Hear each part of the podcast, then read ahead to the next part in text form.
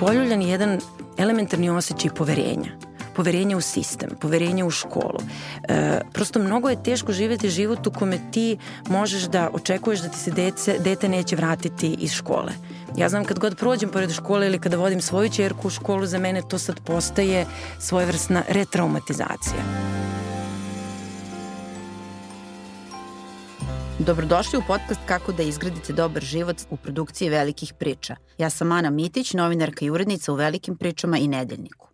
Posle masovnih ubistava u osnovnoj školi Vladislav Ribnikar i Mladenovcu, naše društvo se suočilo sa jednim ogromnim šokom, bolom i traumom, a neki stručnjaci su ovo stanje nazvali kolektivna trauma.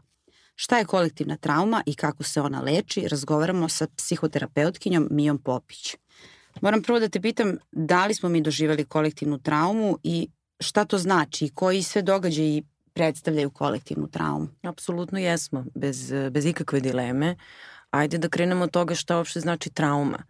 Um, ovo je jedna velika šok trauma. Uh, kako bi to rekli ovi ljudi u mojoj struci, trauma sa velikim T. Uh, to jeste jedan uh, iznenadan događaj koji niko nije mogao da, da predvidi, koji nas je potpuno izbacio iz ravnoteže i koji nam se desio svima. Kada kažemo kolektivna trauma, uh, najčešće po tim podrazumevamo rat, bombardovanje, stvari koje prosto nas dotaknu sve, a ovo je još dodatno specifično jer se radi o masovnom ubistvu i radi se o nečemu sa čim većina ljudi u Srbiji može na neki način da se poistoveti. Bilo da su roditelji ili ne, ali ovo je svakako nešto što je poljuljalo jedan bazični osjećaj sigurnosti svih nas i zato jeste kolektivna trauma. Ono što je tu dodatno specifično jeste što mi nismo uspeli ni da poverujemo šta se desilo, u narednih 24 časa se to ponovilo i nastavilo je da se ponavlja možda u nekom manjem obliku, ali svakako kao jedna pretnja koja u svakom trenutku može da, da, da iskuči. Tako da mi jesmo doživali jednu kolektivnu društvenu traumu i mislim da će nam trebati, mislim meni i dok pričam o tome zaista teško, evo ti si, ti si prva sa kojom zapravo govorim na tu temu, jer od kad se to desilo meni su prosto uh, prilazili i, i prijatelji i ovaj, ljudi koji su prosto želeli da, da bolje razumeju taj događaj ili novinari, ja prosto nisam mogla apsolutno ništa da kažem. Toliko je sve to ovaj, stvarno onako teško za, za stvariti. Pa meni se čini da i stručnjacima i psiholozima, psihijatrima, psihoterapeutima isto bilo teško da, da prvo objasne sebi pa i drugima kada su ih drugi ljudi pitali e, šta se desilo i evo ti sad priznaš da ni ti nisi znala ono što ljudi kažu kako dalje? Šta sad mm. posle ovoga? Znaš šta, postoji velika uh, potreba da mi razumemo šta se desilo i to je jedan od uh, vrlo čestih načina kako reagujemo na traumu. Pokušaj da nekako povratimo kontrolu, da, da uvedemo neku izvesnost u taj jedan haos koji se desio. I tu su naravno stručnici oni na koje najpre treba da se oslonimo. Problem je što ni oni nisu imali sve uh, odgovore, jer nekako u istoriji psihoterapijske prakse i, i nege o mentalnom zdravlju, mi se zaista sa ovako nečem nismo susreli. Tako da je tu e, zaista onako e, postojala jedna kako bih rekla, i sekundarna traumatizacija. Prvo smo bili napadnuti e, medijskim izveštavanjem koje je bilo previše i detaljno i slikovito, e, koje nam je stvaralo prosto slike u glavama od kojih smo morali da bežimo. E, a onda s druge strane smo imali naravno napad i stručnjaka koji iz najbolje namere da objasne to što, što je teško objasniti.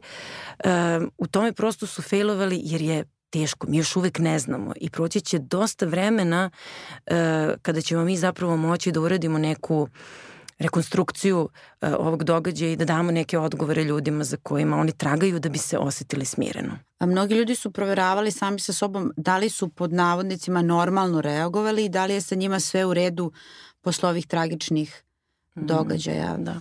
Zašto? Uh, pa zato što je ovo stvarno jedan događaj koji ne možemo da smestimo u bilo kakav poznat, uh, sebi poznat okvir.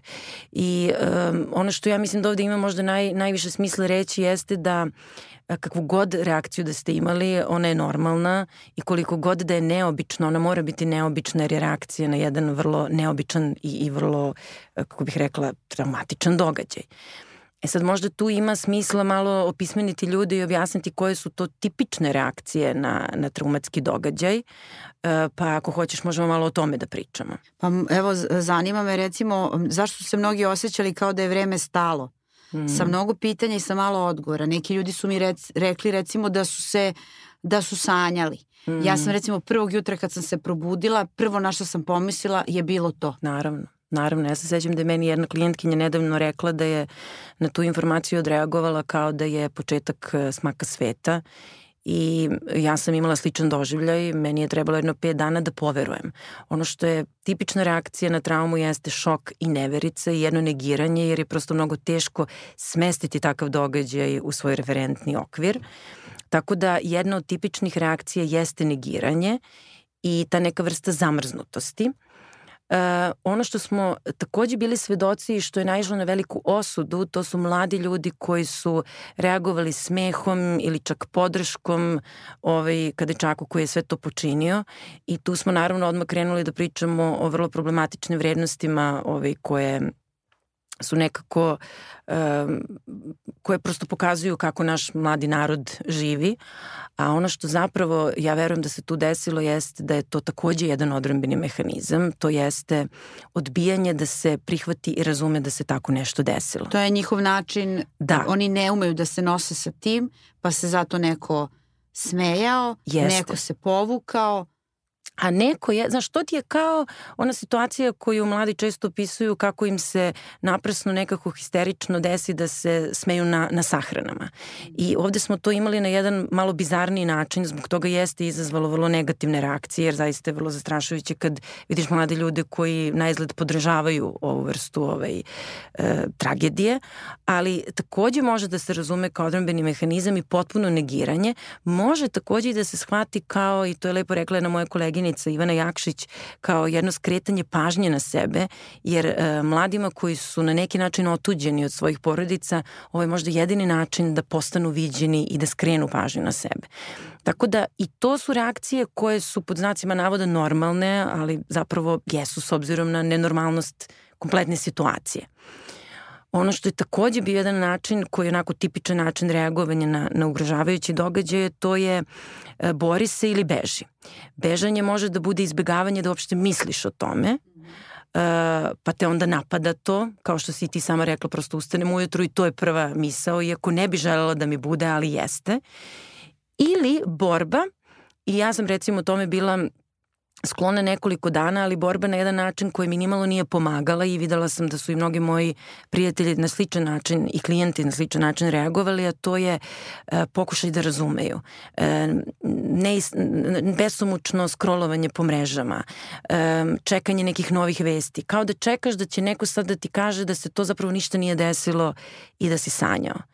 I jedna na izgled, u stvari želim da verujem, konstruktivna reakcija je uh, borba da se nekako uh, udružimo da se ovo stvarno, ako ikako moguće, više nikad ne desi. Da, ljudi bi u stvari trebalo da je u redu kako god da se osjećaju ovih dana ili ako čak i nisu sigurni kako se osjećaju i zašto se tako osjećaju. Da. E, nama će trebati u stvari mnogo vremena da razumemo ove događaje, a zašto nam je teško da, da priznamo da ne umemo da se nosimo sa tim i da je to sasvim u redu, hmm. to priznanje? Zato što ako priznamo da ne umemo da se nosimo sa tim, uh, gubimo veru u sobstvene kapacitete da ćemo moći sa tim da se nosimo ako se to ne daj Bože ponovi. I ono što je zapravo ovde vrlo važno uh, pojasniti jeste na koji način jedna ovakva kolektivna trauma uh, utiče na sve nas. Prvo, ona narušava naš osjećaj bazične sigurnosti. Znači, prosto se ne osjećamo sigurno u ovom svetu u kome se dešavaju takve stvari. E, izgubljeni osjećaj kontrole. Mi prosto želimo nešto da uradimo. Ali mi nismo još uvek u stanju ni da razumemo šta se desilo da bismo nešto uradili. A potrebno nam je i da razumemo i da uradimo da bi na bilo koji način vratili e, doživljaj kontrole u, u jednom ovakvom haosu u kome živimo. Pored toga, poljuljan je jedan elementarni osjećaj poverenja poverenje u sistem, poverenje u školu. E, prosto mnogo je teško živeti život u kome ti možeš da očekuješ da ti se dece, dete neće vratiti iz škole. Ja znam kad god prođem pored škole ili kada vodim svoju čerku u školu, za mene to sad postaje svojevrsna retraumatizacija. Tako da e, e mislim da je ova kolektivna trauma poljuljala osjećaj sigurnosti, kontrole, poverenja, vere u sistem i mi se prosto na svim frontovima osjećamo ugroženo i zato je nekako veliki porev da razumemo, da uspostavimo kontrolu i zato je mnogo teško razumeti da u ovom trenutku to nažalost ne možemo. Dakle, u čovekove prirodi da smesa, smešta događaje u neke okvire, kao što si ti rekla, i da dobijete odgovore zašto i kako i šta dalje i da slaže stvari u svojoj glavi, ali e, šta kad to ne može? E, pa kako dalje kad se desi kolektivna trauma? Koji su to koreci? Znaš šta? Priznamo sebi da, da ne znamo odgovore, priznamo sebi da uh, da su nam pomešana osjećanja, da, mm. da je u redu da se osjećamo kako god da se osjećamo, ali vreme ne može da stane. Ne može, da.